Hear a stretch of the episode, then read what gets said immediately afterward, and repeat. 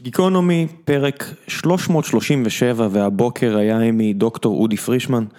דוקטור אודי היה סגן מנהל אסותא בעברו, והיה בכיר בקופת חולים כללית, ומילא שורה של תפקידים במערכת הבריאות הישראלית, אבל יותר מהכל, אה, אודי הוא אדם מאוד כן ומאוד פתוח, שלא מפחד ללכת נגד הממסד עם האמת שלו. וזה עלה לו, זה עלה לו לא מעט לאורך הקריירה שלו, כי יש אינטרסים מנוגדים ויש הרבה אנשים שלא מוכנים לקבל ביקורת בצורה הזו, וזה אומר שסיכלו את המינוי שלו לתפקיד מאוד בכיר במערכת הפוליטית, מסיבות כאלה ואחרות, ונגענו בכל הנושאים האלה ובהרבה מאוד נושאים אחרים שלא תשמעו במקומות אחרים. כי כשמנסים לקחת אנשים כמו אודי ולדחוף אותם לארבע דקות בתוכנית בוקר, אז אתם לא תקבלו את המורכבות הזו אה, של כל הצדדים בוויכוח הזה בין רפואה ציבורית לפרטית במדינה כמו ישראל, ודיונים כמו מצבה של מערכת הבריאות היום, לעומת מה שהיה בשנות ה-90 וה-80, גם ייכנסו לאיזשהו מישמש נוסטלגי שלא בהכרח מייצג את האמת נאמנה. אז אודי גם סיפר בפרק על מה היה פה בכלל פעם, ואיך הגענו למצב שיש לנו מערכת, רפ... מערכת רפואה בארץ ברמה שהיא, ולא בהכרח מה שאתם חושבים. אז הנה, גיקונומי, פרק 337, עם דוקטור אודי פרישמן. תהנו.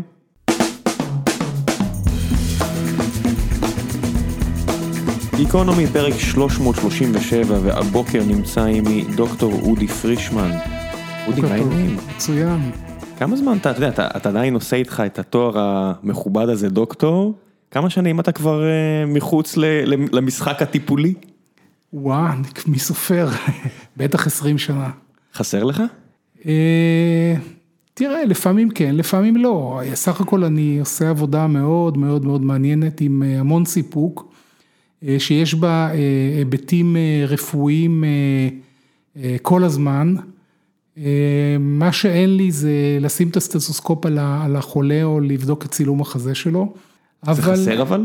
איפשהו? אז אני אומר, יש, יש, יש ימים שאני שואל את עצמי איפה זה, אבל, אבל סך הכל... אה, מציקים לך עדיין בני משפחה וחברים עם אה, עצות רפואיות? יום יום, אבל זה כיף. כן, אתה עדיין מתעדכן? אני מניח שמתוקף תפקידך אתה צריך להישאר אה, חד על... אני חייב להיות מאוד מאוד מאוד מעודכן, אני קורא. אה, כמעט, אה, בטח את כל העיתונים הרפואיים החשובים, את התקצירים שלהם. אה, בעבודה שלי, שתכף בטח נדבר עליה, אני חייב להיות מאוד מאוד מעודכן. אתה יודע, קראתי במוסף הארץ בסוף השבוע האחרון, הם עשו שם עבודת תחקיר על מנתחים ברמב"ם, ש... הטענה היא כביכול שדחפו אנשים לעשות ניתוח ספציפי, כי הוא יותר טוב כלכלית לבית החולים, רופא אף אוזן גרון, אה, שאתה מגיע, למק... אני לא, לא אציין יותר מדי פרטים כי זה תחקיר, ואם אני אטעה פה בלשוני אז בכלל מספיק יש להם את הצרות שלהם עכשיו והם צריכים להגיב על זה אני מניח, אה, שאתה רואה תחקיר כזה, עד כמה אתה מסוגל להגיד, באמת הניתוח, הניתוח הספציפי הזה, חבל שהם עושים אותו, או לחילופין, יש לך כבר דעה רפואית של זה סתם קשקוש, זה באמת ניתוח טוב. תראה, רק על השאלה הזאת ששאלת, אנחנו יכולים לקיים דיון של כמה שעות. אבל אה, כדי בכל זאת אה, להתייחס לזה בקצרה, אה, יש לי כמה בעיות. הבעיה הראשונה שיש לי זה עם המידע של התקשורת. אני, אצלי התקשורת איבדה, איך אומרים, את כל הקרדיט שהייתה לה. אה, ולפעמים התחושה שלך שכל מה שמעניין אותה זה לייצר חומר צהוב שאנשים יקראו אותו, אה, כך שזאת נקודה מספר אחד. נקודה מספר שתיים, אה, ברמב"ם בכלל ובמחלקת אף אוזן גרון בפרט, היה איזשהו ניסיון לעשות רפואה ציבורית טהורה ללא רפואה פרטית. מנהל המחלקה שם בא ואמר, אני לא עושה רפואה פרטית, רק רפואה ציבורית. עכשיו, אה, יכול להיות שבמסגרת האסטרטגיה הזאת שהוא מנסה להתוות במחלקה שלו, קמו נגדו אה, אויבים ומלינים כאלה ואחרים ויצרו את אה, אותו תחקיר.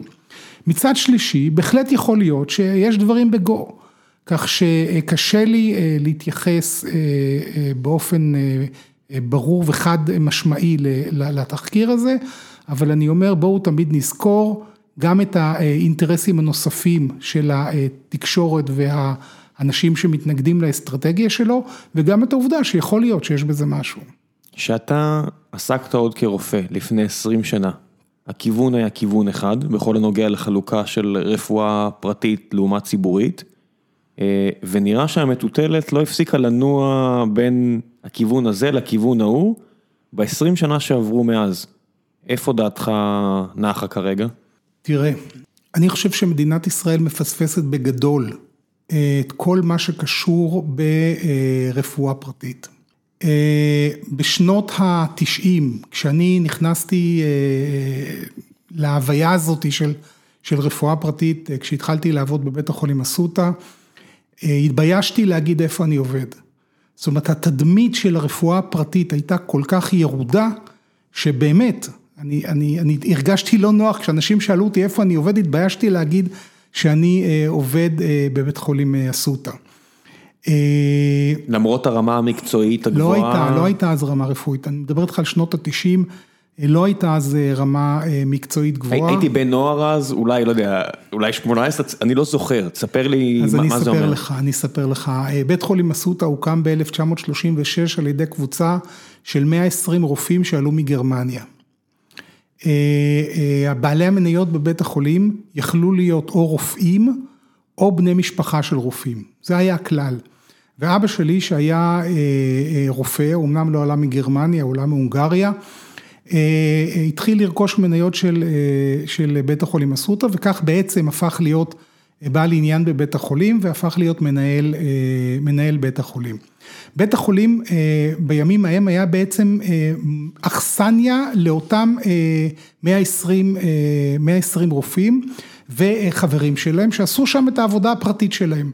רובם היו רופאים שלא עבדו במערכת הציבורית, או שעבדו קצת בקופות חולים, או שעבדו בעיקר באופן פרטי, ושם הם עשו את הניתוחים, ומהמוסד הזה הם, אה, הם התפרנסו. מאחר והכסף בבית החולים לא הלך לטובת בית החולים, אלא הלך לרופאים, זאת אומרת, הבית החולים בעצם היה איזושהי תשתית, שבאמצעות התשתית הזאת, אותם רופאים הרוויחו את לחמם. כך שלא היו השקעות בבית החולים ולא היה התחזוקה של בית החולים והציוד של בית החולים היה מאוד ירוד והמבנים היו מאוד ירודים. עד שברגע מסוים היה צריך לעשות שם אה, איזשהו, אה, איזשהו שינוי. ואז אה, אבא שלי נכנס להיות מנהל בית החולים והבין שכדי לתחזק את בית החולים וכדי לאפשר את המשך קיומו צריך להשקיע גם בתשתיות וגם בציוד ואז בעצם התחילה מה שאני נוהג לומר אסותא החדשה. על איזה שנים אנחנו מדברים? אנחנו מדברים על 1986, אה, בין 1986 ואילך, אולי אפילו טיפה קודם. אוקיי, ובתקופה ההיא, זאת אומרת שאתה מצטרף לבית החולים תחילת שנות התשעים, כן. אה, עדיין התפיסה בקרב הציבור היא של מה, מוסד לא איכותי? מוסד, אה, מוסד לא איכותי, רפואה פרטית זה מוקצה.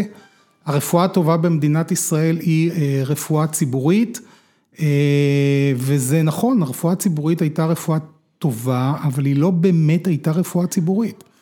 האויב הגדול ביותר של בית החולים אסותא בימים ההם, היה הרפואה השחורה. ובימים ההם אתה היית הנער. לא, זה, פה, פה אתה כבר, אתה יודע, יש לי כבר זיכרונות של מעטפות ודברים כאלה. חד משמעית. זה היה, זו הייתה הרפואה הציבורית. הרפואה הציבורית הייתה רפואה שחורה. אה, המנתחים הבכירים קיבלו את הכסף שלהם במעטפות ונתנו את הטיפול אה, לחולים ששילמו להם, ואלה שלא שילמו להם מדרך הטבע קיבלו טיפול פחות טוב. התפקיד הראשון שלי בבית החולים אסותא, אחרי שהושקע הרבה כסף בתשתית, והושקע הרבה כסף בציוד. התפקיד הראשון שלי אה, היה לנסות לשכנע רופאים מבתי החולים הציבוריים לבוא ולנתח באסותא.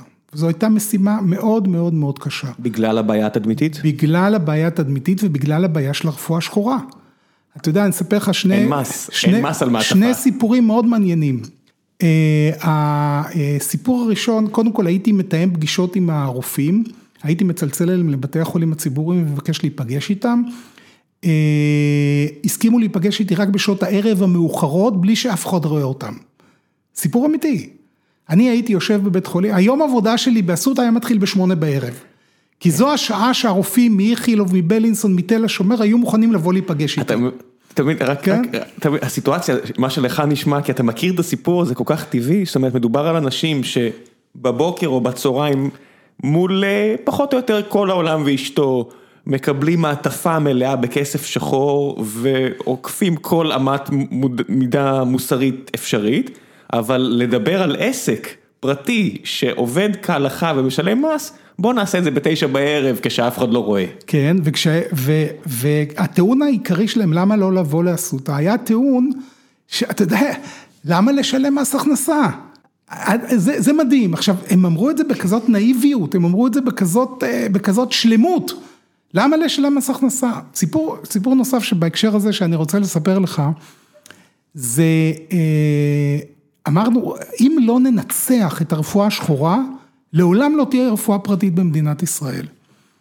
וניצחנו את הרפואה השחורה, דרך אגב, לא, לא בזכותנו, אה, אבל כשהחלטנו להילחם ברפואה השחורה, פנינו לכתבת הבריאות של אה, ידיעות אחרונות, הייתה אז מלכת ה...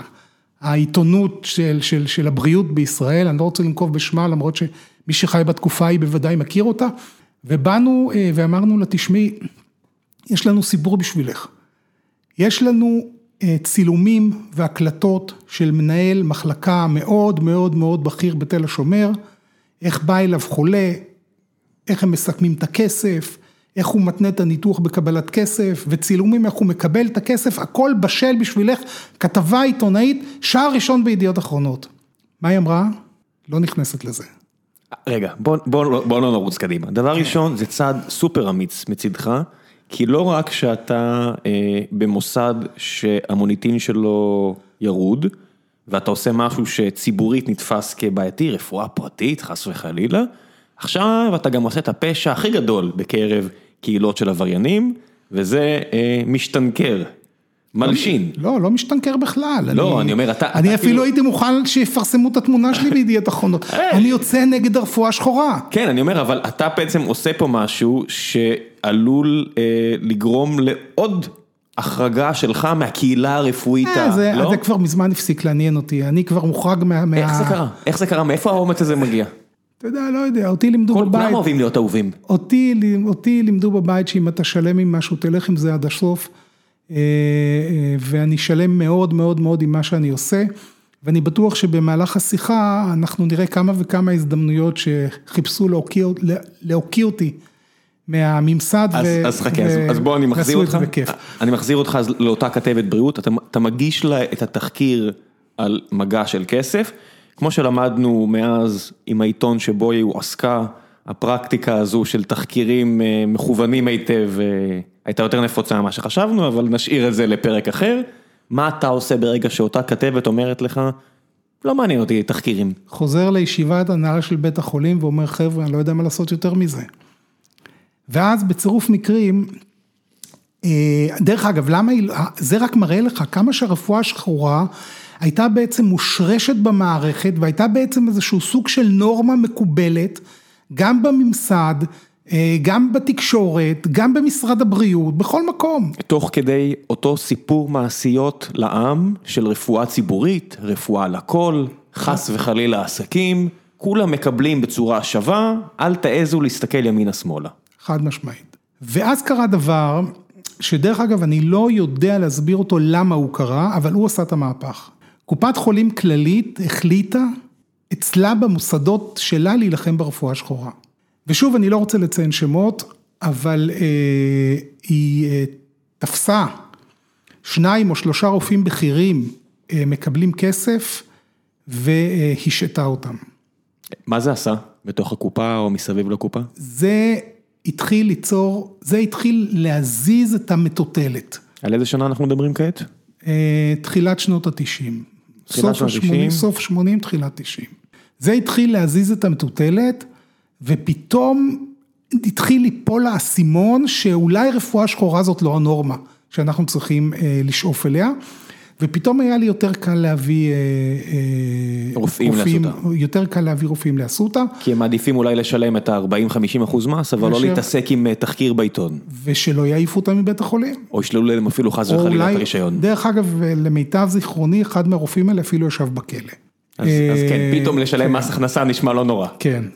ואז בעצם התחיל, ואז בעצם התחיל המהפך, וברגע שהתחיל המהפך, הבנו שחייבים לנוע קדימה, גם מבחינת התשתית הרפואית, ואם אנחנו רוצים באמת להיות מובילים בתחום הרפואה במדינת ישראל, אנחנו גם צריכים להיות מובילים בתחום הציוד הרפואי. אז חכה, וזה מעניין אותי מאוד, אבל בזמן שאתה, בזמן שקורים כל המאורעות החשובים האלה בתולדות המערכת הרפואית הישראלית, קורה עוד משהו, חוק בריאות עובר במה, 95 בערך? כן, אבל אני עוד מדבר איתך על תקופה לפני חוק הבריאות. אז אני אומר, אבל זה, זה, זה הולך לשם, אני מניח שהאווירה הציבורית שהובילה את חיים רמון, אם אני זוכר נכון, לחוקק את אותו חוק, זה חלק ממה שאתה מספר כאן. מה שהוביל בעצם הטריגר העיקרי לחקיקת חוק ביטוח בריאות היה גירעונות של קופת חולים כללית. אבל אנחנו, אנחנו עוד נמצאים בערך 3-4 שנים לפני שחוקק חוק ביטוח בריאות. אז אתם עכשיו צריכים לבנות חדרי ניתוח חדישים, אתם צריכים לקנות ציוד, אתם צריכים לשנות נורמה של מוסד מיושן ולהצעיד אותו אל עבר שנות האלפיים שאמורות להגיע תוך עשור. איך עושים את זה עם תקציב נמוך יחסית, עם מוניטין בעייתי יחסית, ועם רופאים שרק עכשיו מתחילים לטפטף לתוך המוסד? אז היו לנו בעצם שלוש אסטרטגיות. כשאני אומר לנו, אז אני אומר עכשיו, אני הייתי שם, אני שימשתי בעצם כמנהל אדמיניסטרטיבי של בית החולים, אבל כמובן שמי שניהל את בית החולים והוביל את האסטרטגיה, זה היה אבא שלי והדירקטוריון של בית החולים, כך ש...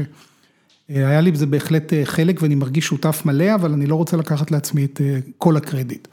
היו לנו שלוש אסטרטגיות. האסטרטגיה הראשונה, להביא לבית החולים את הציוד הכי מודרני והכי מתקיים, והכי מתקדם שקיים בעולם בתחום הרפואה. האסטרטגיה השנייה, להתחיל לשווק ולנסות לפרוץ את החומה, זאת אומרת, ליצור מצב שקופות החולים יסכימו להפנות אלינו מבוטחים. והאסטרטגיה השלישית לגייס כסף. אז אולי נדבר כמה מילים על האסטרטגיה הראשונה. אתה יודע, אחת החוויות שאני הכי זוכר מבית החולים, אפרופו טכנולוגיה שהיא בכלל לא קשורה לטכנולוגיה רפואית, יום אחד אבא שלי קורא לי לחדר שלו, החדר שלו היה בקומה, בקומה הראשונה, החדר שלי היה בדיוק מעליו, מצלצל אליי בטלפון פנימה, אומר, תשמע אודי בוא בוא תרד רגע, יש פה איזשהו מטורף שרוצה ממני משהו. אני יורד למטה, רואה איזשהו בחור צעיר, והוא אומר לי, תשמע, האיש הזה אומר שהוא יודע להעביר מסמכים דרך הטלפון. אמרתי לו, מה, זה בלתי אפשרי, אין דבר כזה להעביר מסמכים דרך הטלפון. הוא אומר, כן, הנה יש לי את הקופסה הזאת, אני שם קופסה כזאת אצלך, קופסה כזאת בחדר של, בחדר השני, ואני יכול להעביר מסמך דרך הטלפון. כמובן שזה היה מכשיר הפקסימיליה, שאז אף אחד לא ידע מה זה פקסימיליה, ופתאום התחילה פקסימיליה. אני לא אומר שהפקסימיליה הראשונה הייתה באסותא, אבל ללא צל של ספק השימוש הרפואי בפקסימיליה בפעם הראשונה היה באסותא, שמנו מכשיר אחד בחדר ניתוח, שמנו מכשיר אחד במזכירות. מה עשו לפני? אתה יודע, אני מצטער על השאלה שמגלה את בורותי, אבל מה עשו לפני? אתה יודע, גם פקס עבור חלק מהמאזינים, למרות הגיל הממוצע הלא צעיר שלהם, הוא איזשהו זיכרון ישן. כן. מה עשו לפני הפקס? היה שליח, היה שליח שהיה רץ עם החומר הרפואי מהחדר ניתוח למזכירות, ששם מדפיסים את ה... ששם מדפיסים את דוחות הניתוח. כן, שם יש פקידות שמדפיסות את דוחות הניתוח. אני מדמיין אפילו, לא יודע, צריך להביא עכשיו מכתב התחייבות מפה לשם, את כל המסמכים שה... הכל ידני, הכל ידני. הייתי צריך ממש להגיע למוסד? כן. אז זה קוריוז, זה אפרופו פקסימיליה, אני פשוט, זה חרוט בזיכרוני, כי אני לא הבנתי איך אפשר להעביר ניירות דרך הטלפון. אבל המכשיר הרפואי המשמעותי, היה תקופה קצרה אחר כך, ששוב אבא שלי מצלצל אליי, אומר לי בוא תרד אליי, יושב אצלי איזה משוגע, אני יורד למטה והוא אומר לי תשמע יש פה איזשהו בן אדם שהוא אומר שיש לו מכשיר שאפשר לראות את האיברים בבטן. אני כמובן אומר את זה בהלצה, כן. וזה היה בעצם מכשיר ה-CT הראשון. החברה שפיתחה את ה-CT הייתה חברה שנקראת אלסינט, היום היא כבר לא קיימת, היא הוקמה ונוהלה על ידי יהודי שקראו לו סוחמי, שלצערי לא מזמן נפטר, והם הציעו לנו לשים CT אצלנו, שאלנו למה בבית חולים פרטי ולא בבתי חולים ציבוריים, אומרים להעביר מהלך כזה במערכת הציבורית ייקח לנו חודשים, פה אנחנו מאמינים שבעוד רבע שעה תקנו את המכשיר. ואכן בעוד רבע שעה קנינו את המכשיר והצבנו בבית החולים את ה-CT הראשון, אני הייתי האדם הראשון במדינת ישראל, הטכנאי הראשון במדינת ישראל שהפעיל CT ובעצם אני אני הייתי שותף לקביעות הכלכליות שהובילו אחר כך את התמחור של בדיקות CT. מהפכה שאני מניח שרובכם לא מבינים עד כמה היא משמעותית, זאת אומרת אנשים שמאוד קרובים אליי בחיים, קרוב משפחה קרוב מאוד, יש לו צלקת מ... אתה יודע, בית החזה ומטה, כי פעם אם היה חשד פותחים את הבטן כדי לראות אם אין בעיות. חד משמעית. זאת אומרת הרבה אנשים מסתובבים עם צלקות כאלה, כי לא היה אפשרות לדמות. כשאני הייתי סטודנט, אחד הניתוחים השכיחים שעשינו או שעשו בתקופה ההיא, היה ניתוח שקראו לו לפרטומיה חוקרת, פתיחת בטן חוקרת כדי לראות מה יש לך. כן. כן, היום כמובן שהדברים האלה כבר כמעט ולא קיימים, מכניסים את הבן אדם ל-CT ואחר כך לאולטרסאונד, ואנחנו יודעים בדיוק מה קורה בבטן, בתוך האיברים, בתוך הכלים. ולא צריך בשביל זה שום פעולה פולשנית. ולא מדובר רק על הצלקות שנשארות, גם כמות הזיהומים ומקרי המוות כתוצאה מזיהומים ירדו בצורה ניכרת. חד משמעית. בהיעדר הפעולה הכירורגית. חד משמעית. ואז בעצם ה-CT היה, אנחנו היינו בית החולים הראשון שהיה בו CT במדינת ישראל, למען הדיוק בשערי צדק היה איזשהו מכשיר מאוד מאוד ישן, שקרטע, אבל ה-CT הראשון שעבד ובצורה מודרנית ומתקדמת היה אצלנו. הזכרתם את השימוש שלו גם לקופות? או, עכשיו אם אתה זוכר, אמרתי לך שהיו לנו שלושה דברים שעמדנו, רצינו לעשות טכנולוגיות, שיווק וקשר עם הקופות ומימון. ואכן, באנו ואמרנו, זאת יכולה להיות הזדמנות מצוינת להתחיל איזשהו סוג של שיתוף פעולה עם קופות החולים, וזה אכן קרה, הצלחנו להגיע להסדר עם קופת חולים כללית, שיפנו אלינו לקוחות עם טופס 17 כדי שנבצע עבורם בדיקות CT. טופס התחייבות כספית, מהקופה אליכם, אתם מקבלים מכתב, ואז בסוף החודש מתחייבים. פעם ראשונה בהיסטוריה שקופת חולים הסוציאליסטית, הסכימה לתת כסף לאסותא הקפיטליסטית, זה היה הישג עצום, ולדעתי ההישג הזה השפיע אחר כך קדימה על כל הצורה והדרך שבה נראית מערכת הבריאות היום במדינת ישראל. כן, כולם אוהבים לבקר את המערכת הרפואית היום ולהלל את המערכת הרפואית של פעם, אבל נוסטלגיה זה רגש מתעתע מאוד. כן. אז זה היה המכשיר הראשון, תראה אפשר לשבת ולדבר על זה שעות. איך זה התפתח ומה הייתה תורת ההפעלה ואיך הצלחנו לשכנע את הרופאים מבתי החולים הציבוריים לבוא ולעבוד ואיך פיתחנו, הנה אתה שואל למה היה לי טאקלים עם הממסד הרפואי. משיחה של 22 דקות איתך אני לא מופתע, למה היה לך טאקלים עם הממסד?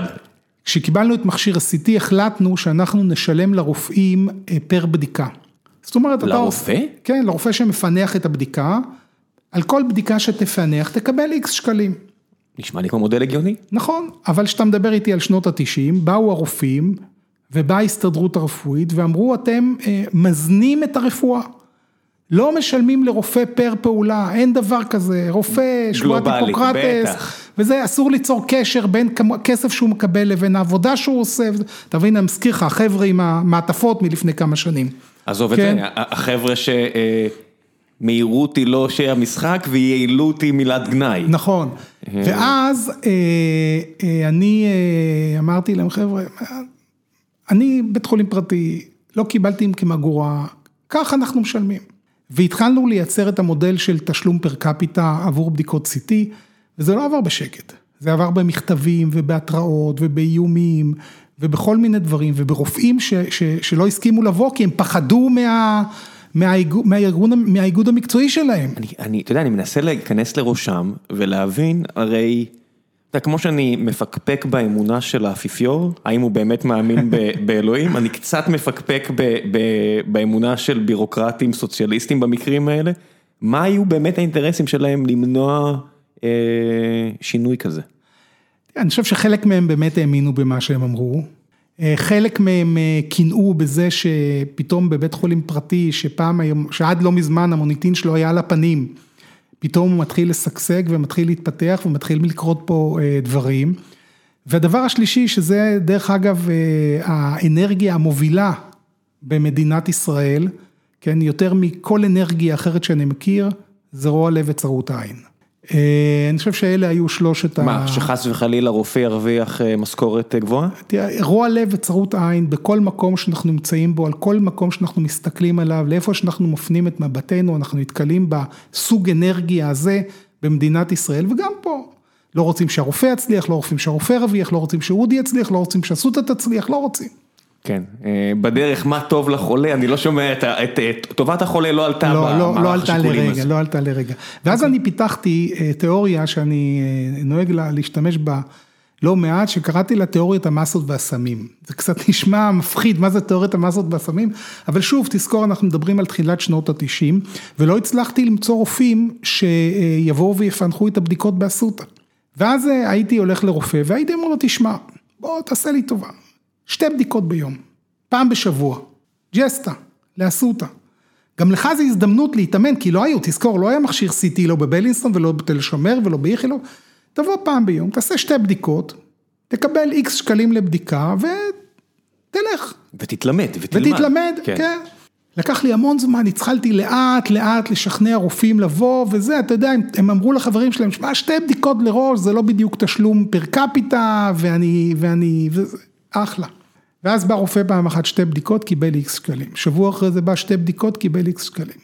שבוע אחרי זה אמרתי לו, תשמע, אכפת לך, היום אני אתן לך שלושה בדיקות, שלוש בדיקות? הוא אומר לי, תן. פתאום בסוף השבוע קיבל קצת יותר כסף. שבוע אחרי זה אמרתי, תגיד לי, אכפת לך שאני אתן לך ארבע בדיקות? הוא אומר, תיתן. פתאום קיבל יותר כסף. אחרי שלושה חודשים כבר... כבר בעיה נפתרה. כבר שכחנו את הבעיה של תשלום פר קפיטה, זה לא נוגד את כללי, את שבועת הרופא. בוא נלך שנייה לעניין השיווק. זאת אומרת, היום סיטי זה מילה שגם אם רוב האנשים לא מבינים את האלקטרומגנטיות ואת הפיזיקה ואת החלק של המכניקה ומדעי המחשב המעורבים, הם יודעים מה זה סיטי. הם יודעים מתי בערך צריך ללכת לסיטי חלל בטן, מתי צריך ללכת לסיטי ראש, זה לא מפתיע אותם. איך בשנות התשעים, לפני פייסבוק, לפני טוויטר, איך אתה בכלל משווק את זה, כשהממסד נגדך, איך אתה מביא את הבשורה לציבור? זאת אומרת, עלית משניים לשלוש, לארבע בדיקות, מי הם אותם אנשים שבכלל באים לבדיקות? תראה, אנחנו לא המצאנו את ה-CT, נכון שזה היה ה-CT הראשון במדינת ישראל, אבל בעולם היו מכשירי CT. והרופאים שמטפלים בחולים, פתאום ראו שיש כלי שיכול לעזור להם לטפל בחולים. והביקוש בא מאותם רופאים, הוא לא בא מהרדיולוגים, הביקוש בא מהפנימאים ומהכירורגים ומהנוירוכירורגים, משם בא הביקוש. שרוצים את טובת ה... שרוצים, תשמע, יש לי חולה, אני לא יודע מה יש לו, אתה מבין? אז זה ה-CT, דרך אגב, הסיפור עם ה-MRI, גם כן סיפור מעניין. עוד פעם, הייתה לנו, אני מזכיר לך, אסטרטגיה להיות ראשונים בכל טכנולוגיה רפואית שיש. ואז הייתה לי שיחה עם ההנהלה של אלסינט, שסיפרו לי שהם פיתחו מכשיר שנקרא MRI, שעושה כמו CT רק יותר טוב, רק כדי, אתה יודע, כדי לא להיכנס לפרטים, ואני אמרתי להם, חבר'ה, יש לי רעיון בשבילכם, אני אתן לכם שטח בחצר של בית החולים אסותא, אתם, אתם תשימו שם את ה-MRI שלכם, שלושה ימים תעשו, תמשיכו לעשות פיתוח, יומיים אנחנו נעשה בדיקות. ואז החומר של הבדיקות שלנו, הדאטה שלנו גם יוכל לשמש אתכם בעבודות הפיתוח. וכך נולד ה-MRI הראשון במדינת ישראל. ישב בחצר של בית החולים אסותא, אלסינט המשיכה לעשות שם את עבודות הפיתוח של השלושה ימים בשבוע, אנחנו עשינו בדיקות לחולים יומיים בשבוע, ומשם אה, הכל היסטוריה. של מי היה המידע הרפואי, זאת אומרת בתקופה ההיא? היום שכל מה שקשור למידע רפואי זה כל כך סבוך ומשפטי, אז הרגולטור בכלל ידע מה אתם עושים? לא הייתה רגולציה, כמעט ולא הייתה רגולציה. שזה קצת נס, כי היום ישראל שהיא מעצמה של מידע רפואי זה קצת בגלל שאז היו אני, אנשים אם, רצו אני, קדימה. אם אני הייתי היום בתפקידי, אז כנראה שהייתי מסיים, אה, לא יודע, בבית סוהר. אה, לא לפני שהפנים שלך היו על השער של כן. מוסף הארץ. כן. אבל, אה, אבל זו הייתה תקופה נהדרת, כי מהבוקר עד הערב אה, התעסקתי בלהשיג טכנולוגיה, בלחפש טכנולוגיות רפואיות, הבאנו לארץ את ה lithotripter הראשון. אני לא יודע אפילו מה זה. lithotripter זה מכשיר שמרסק אבנים בכליות. אוקיי. אה, אני זוכר, נסעתי לגרמניה אה, ולחברה, דרך אגב, שמייצרת צוללות. גלי קול שפשוט כן, אה, כן. מרסקים את האבנים, במקום שתצטרך להוציא את זה בדרך הטבעית והממש כואבת, ממש ממש כואבת, הנה פתרון מכני, טוב. נכון, המכשיר אז היה חדר שלם עם אמבטיה בחדר שלם, זה לא מה שיש היום, אבל היינו הראשונים, אחר כך גם טכניקות ניתוחיות, הקמנו את המחלקה הראשונה לניתוחי לב פתוח, הקמנו את אה, המחלקה הראשונה להשתלות כליה, אה, כמובן מחלקת ההפריה החוץ גופית, התעסקנו בטכנולוגיה מהבוקר עד הערב, באמת, באמת הפכנו להיות הגוף המוביל אה, איזה מבנה כל זה היה? איפה זה היה אסותא? ברחוב ז'בוטינסקי בתל אביב, אה, במבנה שהיום זה מגדלי אסותא. כן, היום זה מגדלי אסותא, אתה יודע, כן. אני, אני מתחכה כי אני גר למטה, אני גר ממש מעבר לכביש, אז אה, עבורי זה פשוט הבית, בגלל זה הנחתי שעל זה מדובר, רק רציתי לוודא ביני לבין עצמי. החלק, החלק משומר, חלק מהמבנה הישן משומר, אה, זה מאוד יפה, כן. ו- והיתר זה בניינים. אני רוצה לשאול אותך משהו שקשור לתחום העיסוק הנוכחי שלך, שמתקשר לכך. כשאתה מביא טכנולוגיה חדשה, ואתה משווק אותה לחולים, בסופו של דבר זו אוכלוסייה אה, במצב אה, הרבה פעמים של אה, קושי בריאותי. איפה הביטוח נכנס פה? זאת אומרת, אם אתה עושה טעות, ואתה נראה לי אדם מהמר אה, מטבעך, שאוהב ל- ל- ל- ללכת על היתרון, ויש סיכון, כשאתה הולך על תשואה יש גם תשומה. כשקרו פאשלות, ואני בטוח שקורות כי בכל תהליך רפואי יש אחוז מסוים לפאשלה. מישהו ביטח אתכם? מישהו ידע בכלל איך להתייחס אליכם? איך, איך הגעת לעניין הזה? תראה, אם אתה שואל אם לבית החולים היה ביטוח אחריות מקצועית, התשובה היא כן, היה לנו ביטוח אחריות עם מקצועית. פרמיה שהשתוללה כי אף אחד לא ידע איך לסווג את זה? לא, תזכור, אתה מדבר על ימים שתביעות שנקראות תביעות רשלנות רפואית, היום הן מאוד מאוד פופולריות, אז הן כמעט ו... ולא היו. הם- בוא, תכף נגיע גם לזה, אתה אומר מאוד פופולריות, תבין שלי ואני מניח לאדם מהיישוב, אין מושג באמת פופולרי, לא פופולרי, אתה אומר פופולרי, אני לא יודע בכלל מה המספרים. עורכי הדין דואגים לידע את הציבור. האינטרנט, הגוגל, הפייסבוק אה, דואג לכך? שמי ש- מי שקרה לו מקרה רשלנות רפואית ידע מה לעשות עם זה, אבל בימים ההם זה לא, זה כמעט לא היה אישו, לא דיברו על זה. אבל חשבתי שאתה מתכוון דווקא ל, ל, לדבר אחר, הרי הטכנולוגיות עצמן עולות כסף. תקציב הבריאות הוא תקציב מוגבל, ונשאלת השאלה, יש פה גם איזשהו... לזה התכוונתי, מאיפה יגיע הכסף? בדיוק, יש פה איזשהו שיווי משקל בין אה, תקציב הבריאות של המדינה לבין היכולות אה, לתת אה, שירות רפואי ברמה הגבוהה. ברמה הגבוהה ביותר, כן. ולתוך התווך הזה בעצם אה, נכנסים הביטוחים הפרטיים. באיזו שנה זה? אה, תראה, כבר באסותא היה ביטוח פרטי שנקרא ביטוח אשפוז, אה, הוא היה כמובן במספרים קטנים, מי החברת ביטוח שהציעה אותו? אשפוז, ככה היא נקראה חברת ביטוח, ש- שבבעלות אסותא? לא, היא לא הייתה בבעלות אסותא, אבל היא הייתה בתוך אסותא, היא הייתה חלק מאסותא, אחר כך חברת הראל קנתה אותה. אה, אבל אה, החשיבה שמאיפה נממן את אה, העלויות של הרפואה המתקדמת שאנחנו רוצים לקבל, התחילה כבר אז בשנות ה-80, אולי אפילו אשפוז לדעתי הייתה קיימת עוד קודם. המודל פה, חשוב שנ- שנבהיר את זה, הוא לא רק להורדת הסיכון עבור המטופל, הוא גם לתת אוויר למערכת כדי לחשוב על העתיד. אם אתה בעצם מקבל כסף רק עבור הטיפול, אין לך באמת קרדיט קדימה. הביטוח גם מאפשר לך לקבל כסף על חשבון העתיד ובעצם לממן בהווה הוצאות רפואיות עתידיות.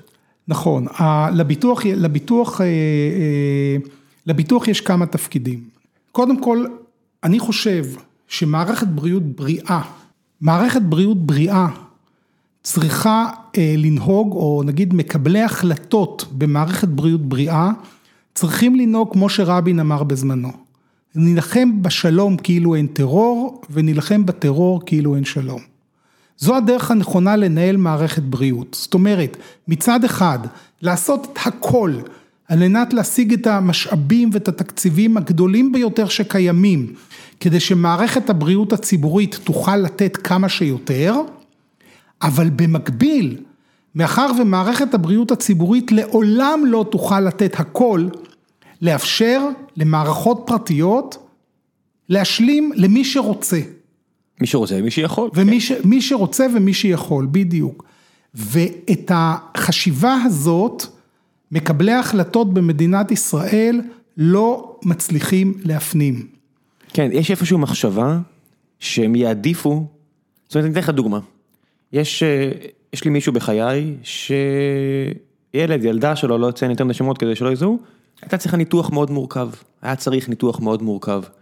והניתוח הזה עולה הון תועפות. הון תועפות כי הוא נדיר מאוד מאוד מאוד.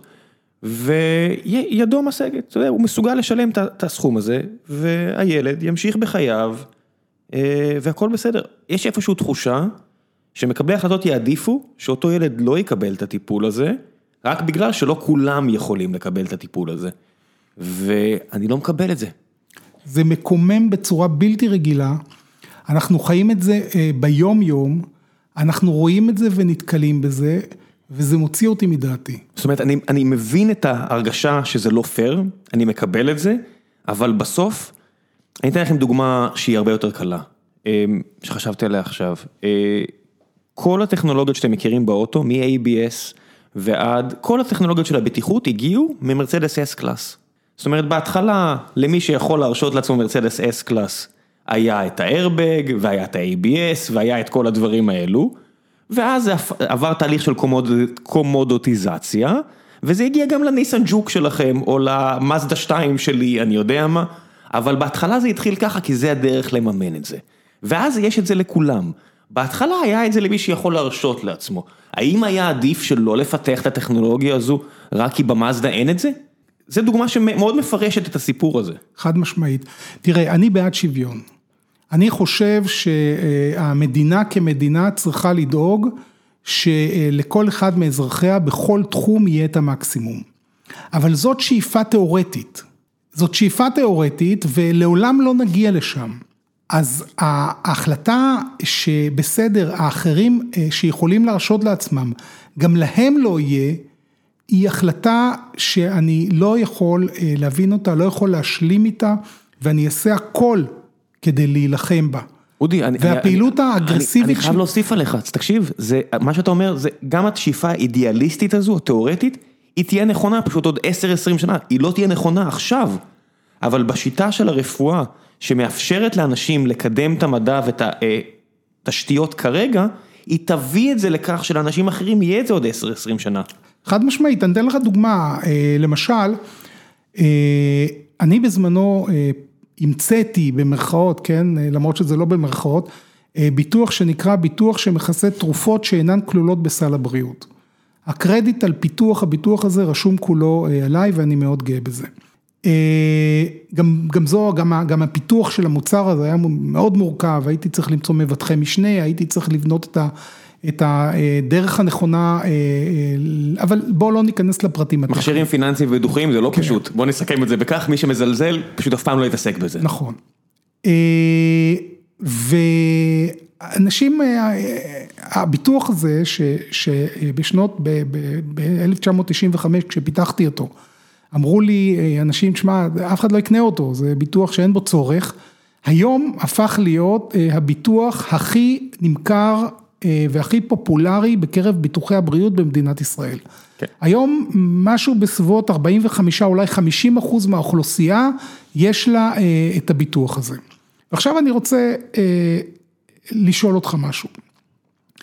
משרד הבריאות לכל אורך הדרך מנסה בצורה עיקשת להילחם בביטוח הזה. שוב, שוויון, כן מקבל, לא מקבל, למה הוא כן יקבל, למה זה לא יקבל וכולי. ואני רוצה רגע לה, לה, לה, להסביר לך את מעגל החיים של תרופה חדשה, בצורה מאוד פשטנית, אבל, אבל נכונה. ברגע שיש איזושהי חברה שמפתחת איזושהי תרופה מסוימת, יש שלב מסוים שהתרופה זמינה, זאת אומרת מותר להשתמש בה, היא עדיין לא רשומה בשום מקום, היא עדיין לא קיבלה את האישורים על ידי הרשויות הנדרשות, אבל היא זמינה, היא על המדף, אפשר, מי שחולה במחלה יכול להשתמש בה. בדרך כלל התרופות האלה מאוד יקרות, ומי שלא יהיה לו ביטוח, לא יוכל להשתמש בה, או יוציא כסף מכיסו. מדובר, אם אתם מכירים עכשיו, דיברנו עם רוני לינדר לפני מספר שנים על הקיטודה וכל מיני תרופות. כן. איך זה נקרא? קיטרודה. קיטרודה, שתרופה שהתחילה לסוגי סרטן מסוימים, וניסו על כל מיני סוגי סרטן אחרים. מדובר על תרופה שאלא אם כן אתם באמת אנשים עמידים, תרסק אתכם. 80 אלף שקל בחודש. תרסק אתכם כלכלית. חד משמעית. ובשביל הארבעה חמישה חודשים שהיא תוסיף, אני לא שופט אף אחד וכל אחד יעשה עם הכסף שלו מה שהוא רוצה. העובדה היא שאת רוב בתי האב בישראל, או בתי האם, זה יירסק כלכלית. חד משמעית.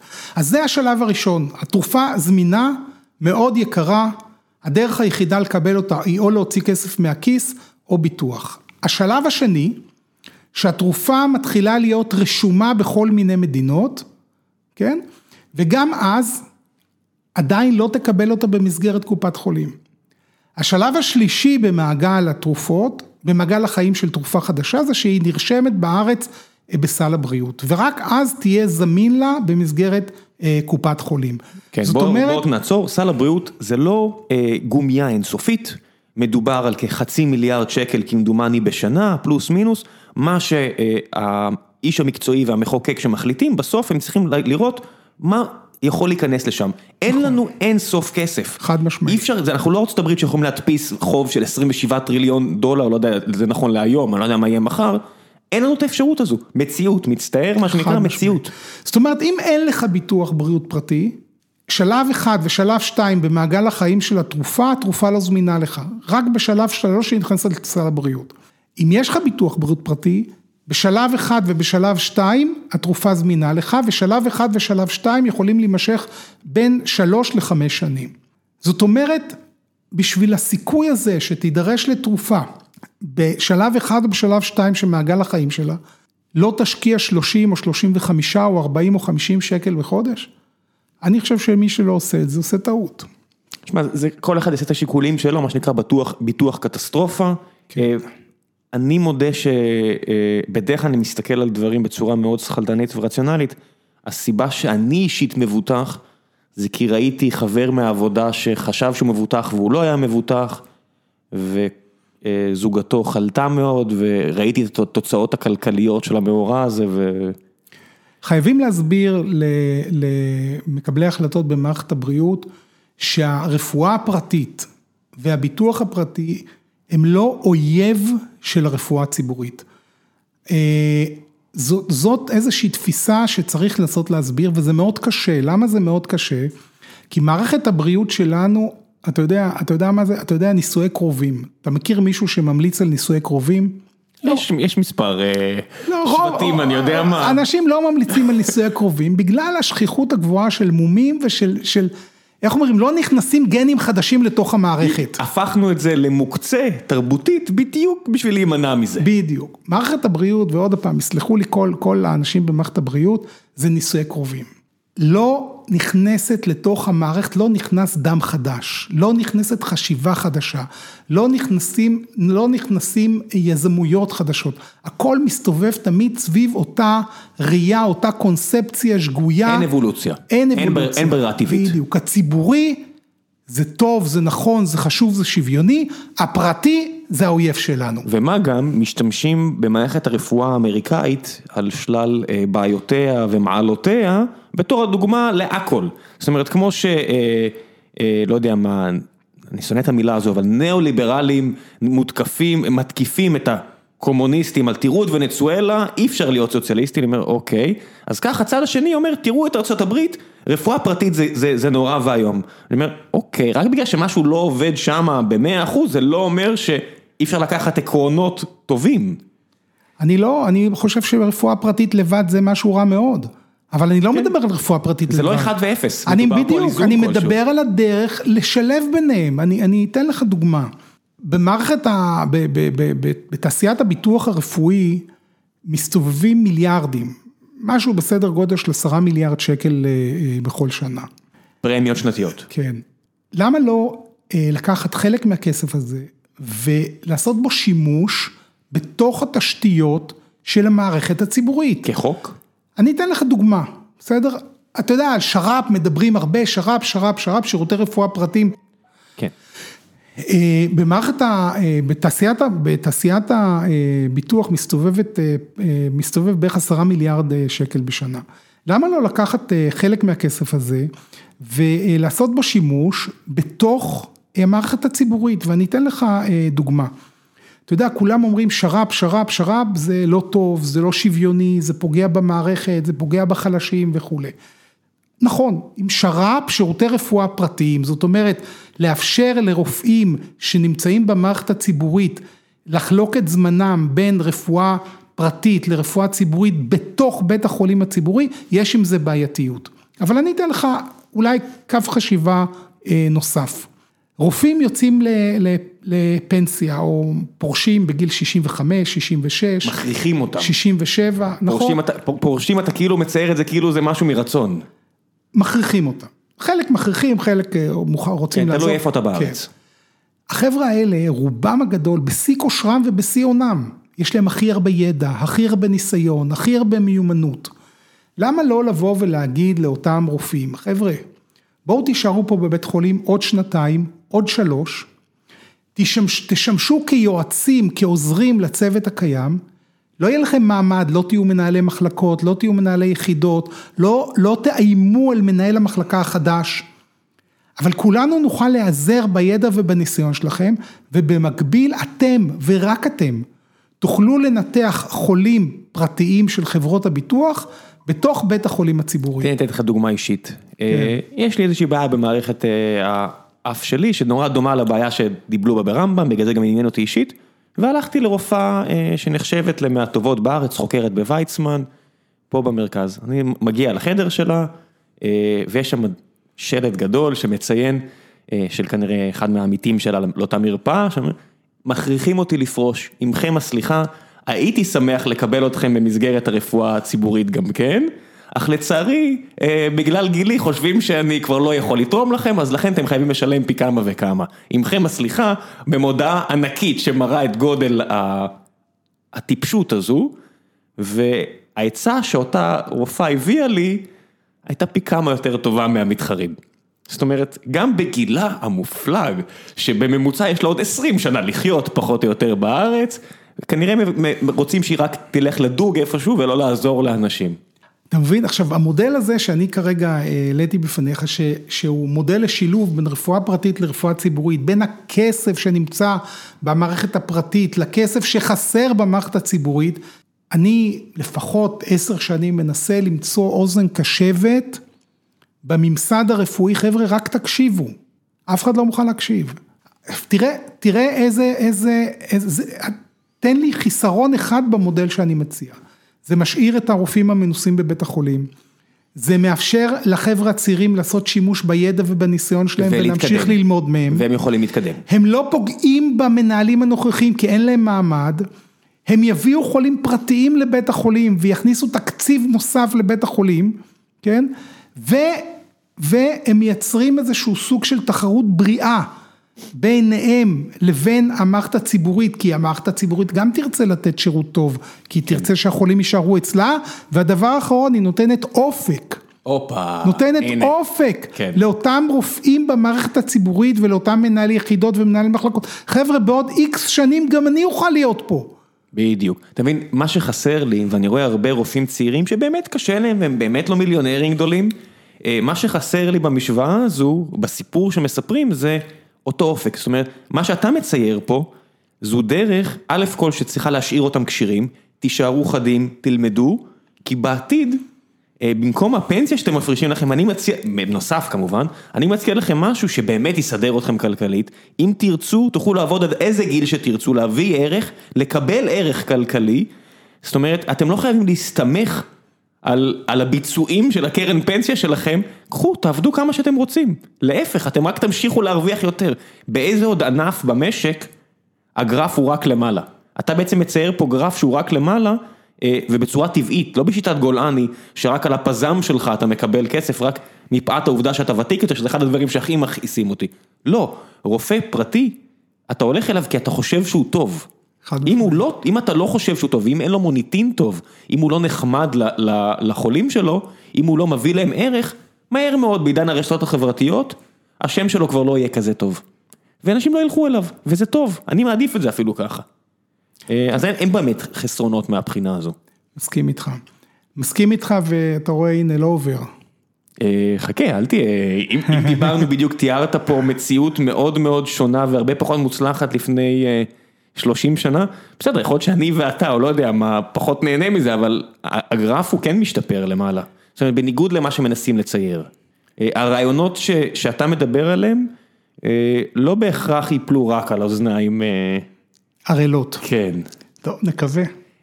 אני כן רוצה לצ... לשאול אותך, זאת אומרת, היה, הייתה יעל גרמן, היה ליצמן, עם מי מהם זכית לשבת? זכית. עם מי מהם יכולת לשבת? ועם מנהלי, אתה יודע, אתה היית סגן מנהל אסותא. יש לך חברה שמתעסקת בביטוחים לא קטנה. השם שלך, מעבר לעובדה שכנראה אין לך הרבה חברים, בא ממסד כי אתה מציף יותר מדי אמיתות וזה מסוכן בארגונים שבהם אה, אמת זה לא המעלה העליונה, בכל זאת אתה לא, אתה לא אדם מן היישוב. למי הגעת, למי לא הגעת. תראה, לפני אה, יעל גרמן, שר הבריאות היה אה, יעקב בן עזרי. יעקב בן עזרי אה, הציע לי להיות מנכ"ל המשרד. ואני אה, אה, בהתחלה רציתי להתמודד על התפקיד, ואז נתקלתי בהתנגדות אגרסיבית, גם של המשרד, אנשי המשרד הבכיר, אנשי הצוות הבכיר של המשרד, ש, שניצלו את הקשרים שלהם והובילו את ההתנגדות אחר כך אה, אה, גם אה, קדימה. מאוד מאוד מזכיר את מה שקורה, מאוד מאוד מזכיר את מה שקורה היום למנכ"ל משרד הבריאות החדש, החדש? החדש, הנכנס, חזי לוי.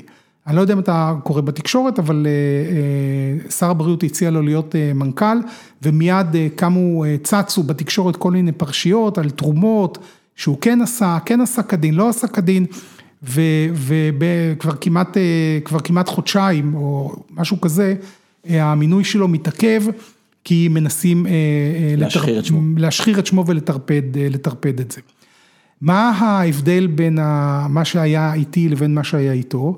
ששר הבריאות הנוכחי הוא פוליטיקאי ממולח, מנוסה, ואני מניח שעם הקשרים ועם היכולות הפוליטיות שלו, הוא לא יאפשר לכל מיני אה, שיקולים זרים של כל מיני גורמים אינטרסנטיים לטרפד את המינוי. אני לא יודע, ברגעים אלה המינוי עדיין לא אושר, אבל אין לי צל של ספק שהמינוי יאושר. אתה מכיר אותו אישית, את המנכ"ל? אדם טוב? כן, אדם מצוין, ואני בטוח שהוא יהיה מנכ"ל טוב. נשמע כאילו האוזניים כן. פחות ערלות, אני יודע.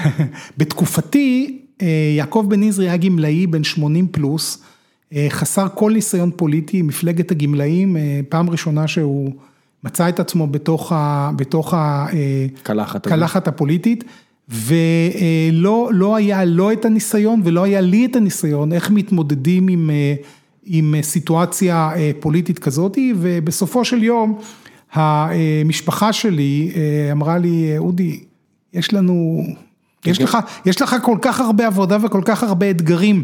יש החיים עצמם. בדיוק, בחיים, תעזוב את זה, ואז באמת קיבלתי החלטה שאני לא, אה, אה, לא ממשיך אה, במלחמה הזאת, וויתרתי על התפקיד.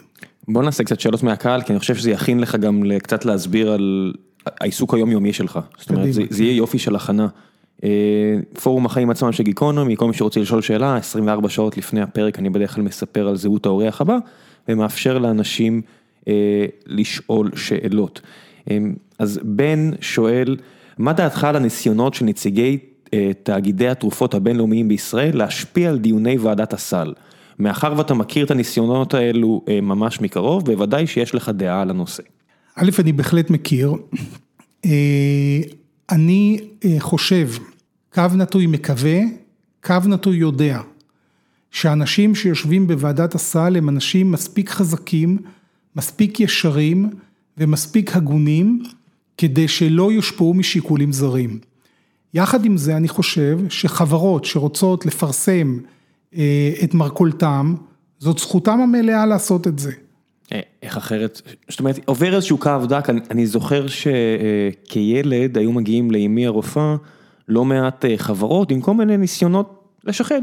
זה, זה היה הנורמה, אז בואו תצאו לכנס בחו"ל, שאין באמת כנס וכו' וכו', ואז היה איזשהו, הגומייה עפה לכיוון השני, של עד לרמת אסור אפילו להיפגש עם נציגי תרופות, ונוצר איזשהו מצב שתרופות כמו סימפטומצין עדיין בארץ משום מה, למרות שיש כל מיני עדויות לכך שהן בעייתיות וכו' וכו', זאת אומרת יש איזושהי תנועת גומייה לא הכי בריאה. כתגובת נגד לנורמות די פסולות של פעם. אתה יודע, זה מאוד מאפיין את מה שקורה אצלנו במדינה. אנחנו מצוינים בלעבור מקיצוניות אחת לקיצוניות שנייה. וזה, וזה לא טוב, אני חושב שהעובדה שהיום תועמלנים לא רשאים להיפגש עם רופאים, בסוף היום הרופאים מפסידים מזה והמבוטח, והחולים מפסידים מזה. התועמלן, תועמלן שעושה את עבודתו כנאמנה, כן, הוא בעצם מורה ומדריך, הוא מביא לידיעת הרופא מידע שלרופא כמעט ואין שום סיכוי להגיע אליו. צריך להגן פה בפני, אין ספק, כי יש פה אינטרסים מנוגדים לעיתים, אבל עדיין. אין ספק, אבל הדרך היא לא לעשות את זה לא בקיצוניות לצד אחד ולא בקיצוניות לצד שני, הדרך לעשות את זה בנהלים מצד אחד ובפיקוח עליהם מהצד השני. תראה, אני חייב להתייחס רגע שנייה אחת לעידן הקורונה. מה, מה, מה אנחנו, במה דומה סיפור התועמלנים לסיפור הקורונה? הוא דומה בזה שברגע שקבעת כללים מסוימים ולא פיקחת עליהם, הם לא מתקיימים. להפך. מה כולם, להפך, נכון, מה כולם. איבדת את שלטון החוק והמשילות, אם, אם עשית חוק ואתה לא אוכף אותו, כשתנסה לחוקק פעם בחוק וכן תרצה לאכוף אותו, לא הציבור כבר לא יקשיב כן. לך. הרי הדרך להילחם בקורונה היא כל כך פשוטה, באמת שלושה דברים, תשמור על מרחק, אל תתקהל ותסתובב עם מסכה, שני מטר אחד מהשני לא יהיו חולי קורונה. זה נורא פשוט. אבל כשאתה מסתובב ברחובות, אתה רואה אנשים בלי מסכות, נכנסים לחנויות בלי מסכות, המוכרים בלי מסכות, כן, עושים מסיבות, אירועים והתקהלויות מבלי ששומרים על מרחק, אז זאת הנקודה.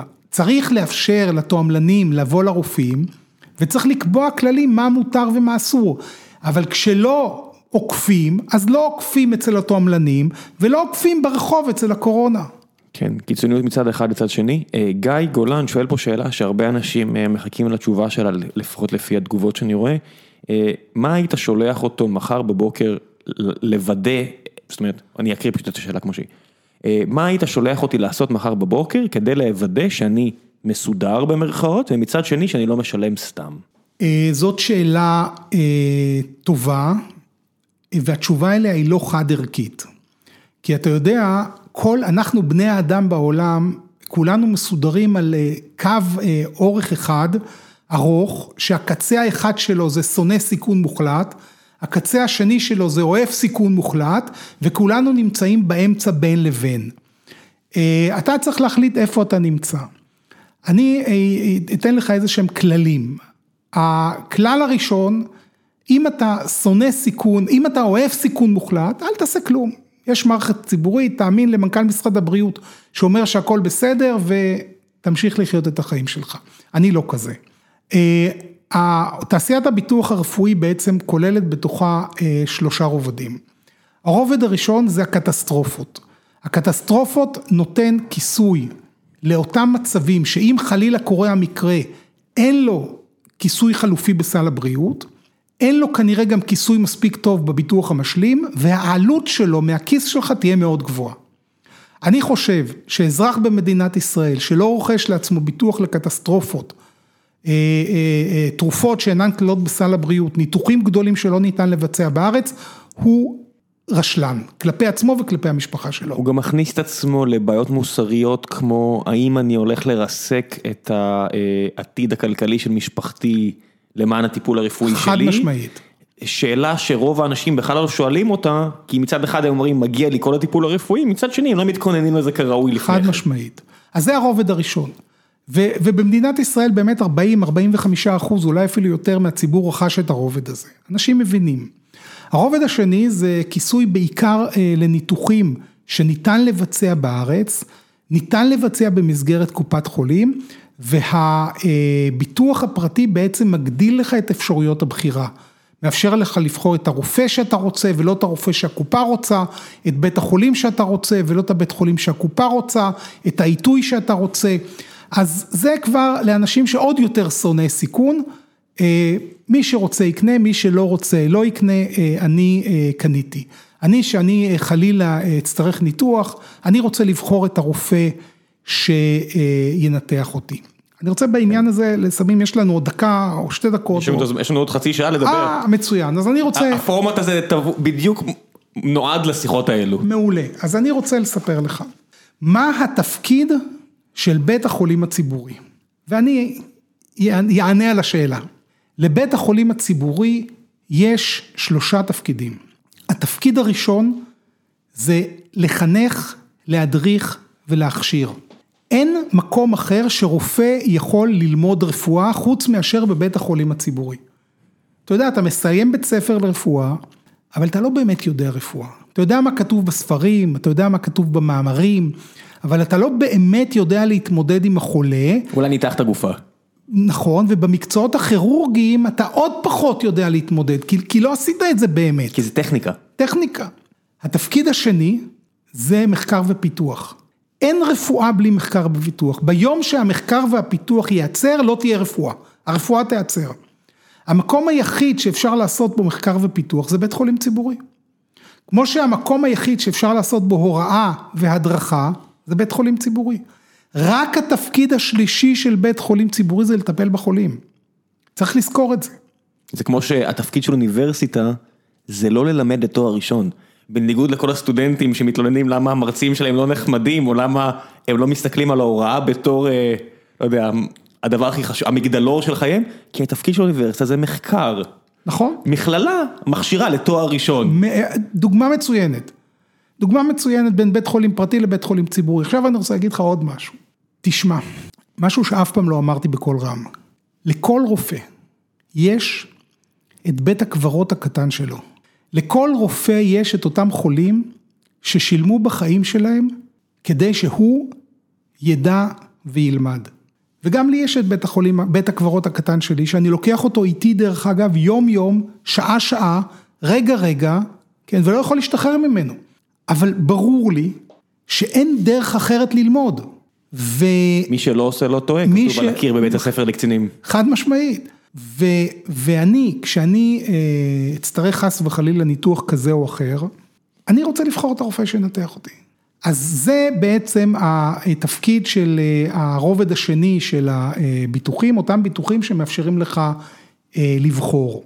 והרובד השלישי זה מה שאנחנו קוראים ביטוחי, נקרא לזה אקסטרה, שהם נותנים מימון לכל מיני דברים ש, שאולי פחות חשובים, אבל יש אנשים שרוצים אותם, כמו למשל מימון לשירותי רפואה אלטרנטיבית, אתה יודע, אקפונקטורה, כל הדברים האלה, רפואה אסתטית, דברים. יש ביטוח לרפואה אסתטית? היום, היום לא, אבל היה, כן, היה, היום יש בעיקר תוכניות, תוכניות להנחות, אבל לרפואה אלטרנטיבית יש ביטוח. ו, ועוד דברים מהסוג הזה, אני קורא לזה כיסוי אקסטרה. זאת אומרת, אלה הם בעצם שלושת הרובדים, הרובד הבסיסי, העיקרי, החשוב, שלדעתי אדם אחראי, אסור לו לוותר עליו, של הקטסטרופות. הרובד השני, שנותן לך את הבחירה ואת התזמון ואת הטיימינג, אתה יודע, זה לא חייב להיות רק ניתוח. בן אדם צריך לעבור בדיקת MRI, כן? בן אדם צריך לעבור בדיקת MRI, יש מצב שבקופת חולים או לא יאשרו לו, או יאשרו לו לעוד שלושה חודשים. אם יש לך ביטוח פרטי, תעשה את זה מהיום למחר, כן?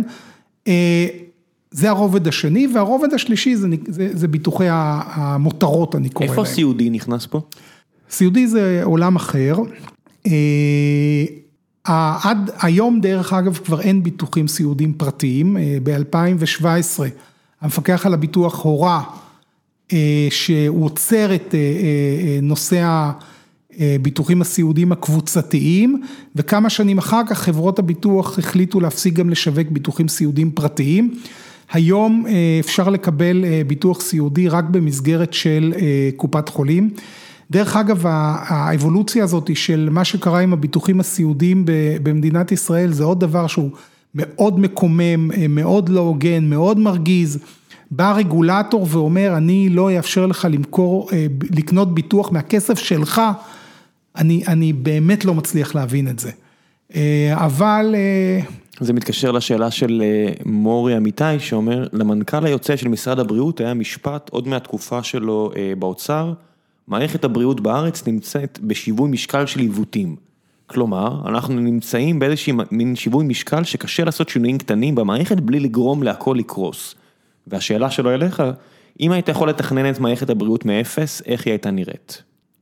עם עקרונות כלליים, כי אני מניח שתצטרך יותר מעשר דקות כדי לענות על דבר כזה. אני חושב, קודם כל אני מסכים איתו, מערכת הבריאות שלנו היא מאוד בעייתית. בעצם הפעילות האסטרטגית האחרונה שקרה במערכת הבריאות זה חוק ביטוח בריאות ממלכתי ב-1995. מאז בעצם לא קרה שום מהלך אסטרטגי במערכת, כי המערכת בנויה כמו שאמרתי ואני פשוט אוהב להגיד את זה, אז אני אגיד את זה עוד פעם מנישואי קרובים. לא נכנסים גנים חדשים לתוך המערכת, אין רעיונות חדשים, יש פחד לשמור על שמרנות מקובעת וזה עושה רע לכולם. אני חושב שכדי שנבריא את מערכת הבריאות, צריכים לקרות שני שינויים אסטרטגיים מהותיים. האחד, אנחנו צריכים להוציא את בית החולים מהמרכז. היום בתי החולים זה חזות הכל במערכת הבריאות. הדבר הזה צריך להשתנות. ברפואה המודרנית, בעולם המודרני, הרפואה צריכה להיות רפואה בקהילה. הרפואה צריכה להיות רפואה מרחוק, הרפואה צריכה להיות רפואה בפריפריה, הרפואה צריכה להיות במרכזים רפואיים מקומיים, ובתי החולים צריכים להיות רק centers of excellence, מרכזי מצוינות לדברים שלא ניתנים לטיפול בקהילה. המשפט הזה שאמרתי אותו עכשיו ב-20 שניות, זה עולם ומלואו, אבל זו מהפכה של 180 מעלות בתפיסה של מערכת הבריאות. וזה הדבר הראשון שאנחנו חייבים לעשות, ואני חושב דרך אגב, שמה שקרה לנו בתקופת הקורונה, זה רק מחזק את זה. זה גם מחזק את זה וגם מראה שזה אפשרי. כן, אריאל פה בדיוק שואל שאלה שתעזור לך להשלים את התשובה שלך, שאלה אחרת של מספר המיטות, מספר מיטות בתי החולים נמצא בירידה חדה בכל העולם המערבי בעשורים האחרונים. הוא צירף מספר גרפים כדי להראות את הטענה הזו. מדוע?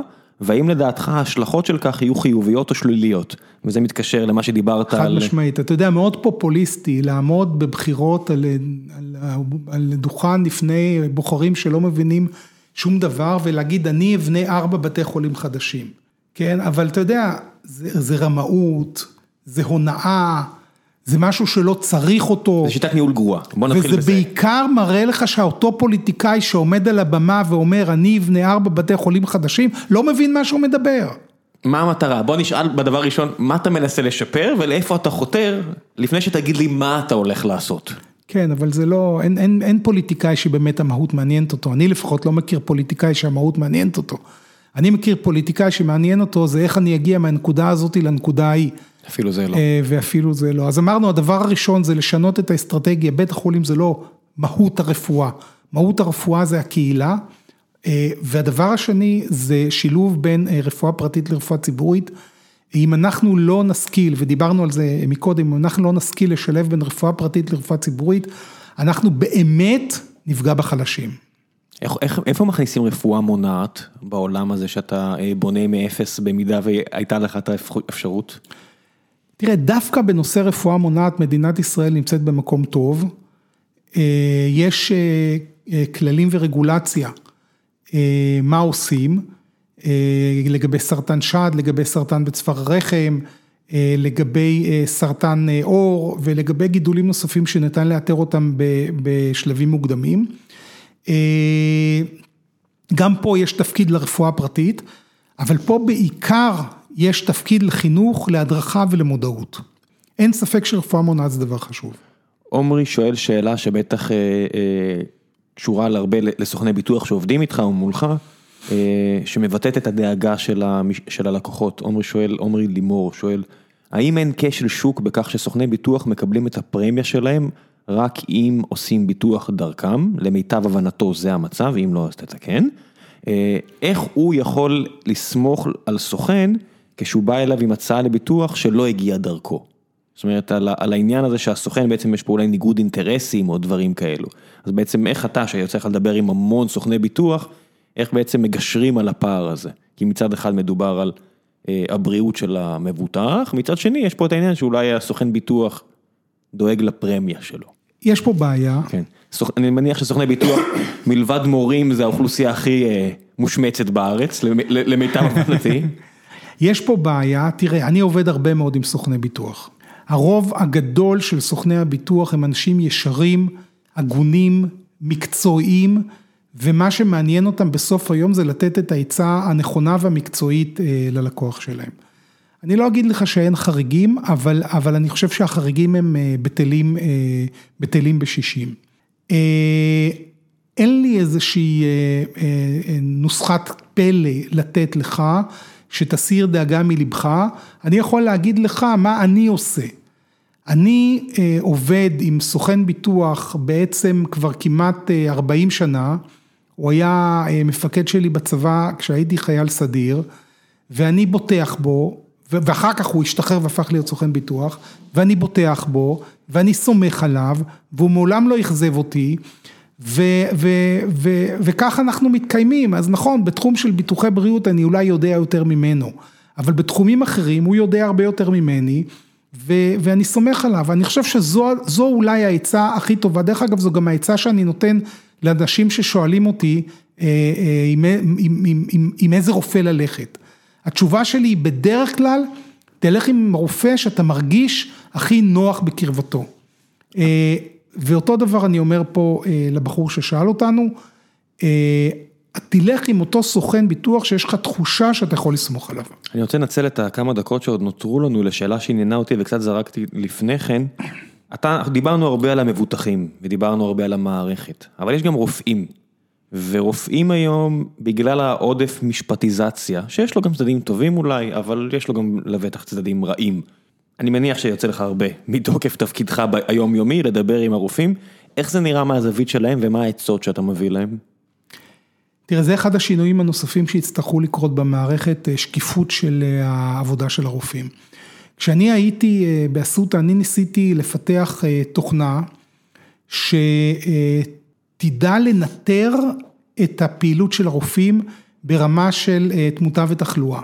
חבר'ה, אנחנו רופאים, אנחנו נותנים שירות לבן אדם, אנחנו לא צריכים להתבייש במה שאנחנו עושים. ואם אני פחות טוב, אני יודע שאני צריך להשתפר. לקח בערך שבוע ימים עד שהרופאים אמרו, חבר'ה, אם אתה ממשיך אה, לנטר אותנו, אנחנו אה, שובתים, לא באים יותר לעבודה. הבית הקברות הפרטי שלי או בית הקברות הפרטי שלי? בדיוק, בטח, יפה, בית החולים הפרטי שלי, כן. אה, בית הקברות הפרטי שלי. בארצות הברית זה לא ככה. בארצות הברית, כשאתה רוצה לדעת משהו על רופא, יש לך מאגרים שאתה יכול להיכנס אה, ולדעת על אותו רופא כמעט הכל. רופא ונדל"ן, שני דברים שיש שקיפות הרבה יותר גדולה שם מאשר פה. אני חושב שעד שלא נשכיל במדינת ישראל לייצר שקיפות מלאה, נישאר דור אחורה. אה, האם נגיע לשם? תראה, בשנות ה... לא זוכר אם זה היה סוף שנות ה-80, שנות ה-90, משרד הבריאות עשה אה, סקר על תמותה אה, מתחולל לב פתוח במחלקות השונות בבתי החולים הציבוריים. זה היה מאוד מפורסם, אני לא יודע אם אתה מכיר את זה. אה, והתוצאות של הסקר הזה פורסמו, אה, ויצא שבית חולים וולפסון היה בית החולים הגרוע ביותר מבחינת תוצאות של תמותה ותחלואה אחרי ניתוחי לב פתוח. אין לי צל של ספק שמי שניהל אז את בית חולים וולפסון וניהל אז את המחלקה לניתוחי לב פתוח הרגיש מאוד לא טוב. איך אפשר שלא? אבל, אבל, זה עשה משהו. ומאז המחלקה לניתוחי לב פתוח של וולפסון הפכה להיות אחת המחלקות המובילות במדינת ישראל. אור שמש זה מחטא, אתה לא שמעת? כן, נכון.